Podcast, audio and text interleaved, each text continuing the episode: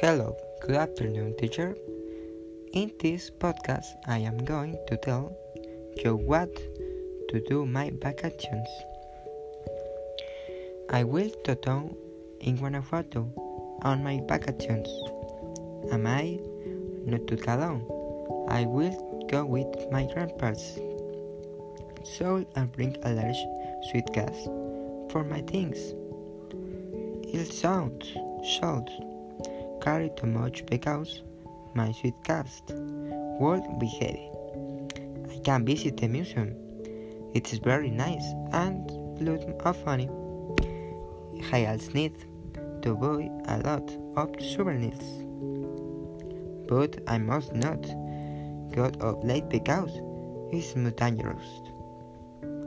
I will also need you. The more big stay a bite.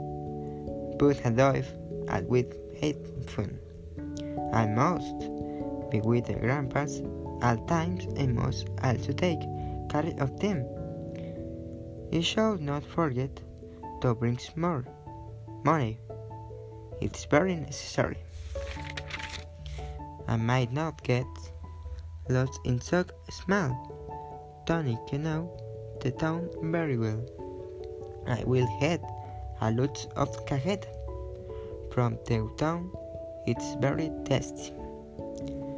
I might never forget these vacations. This has been everything. had thank you very much for listening. Thank you. Bye.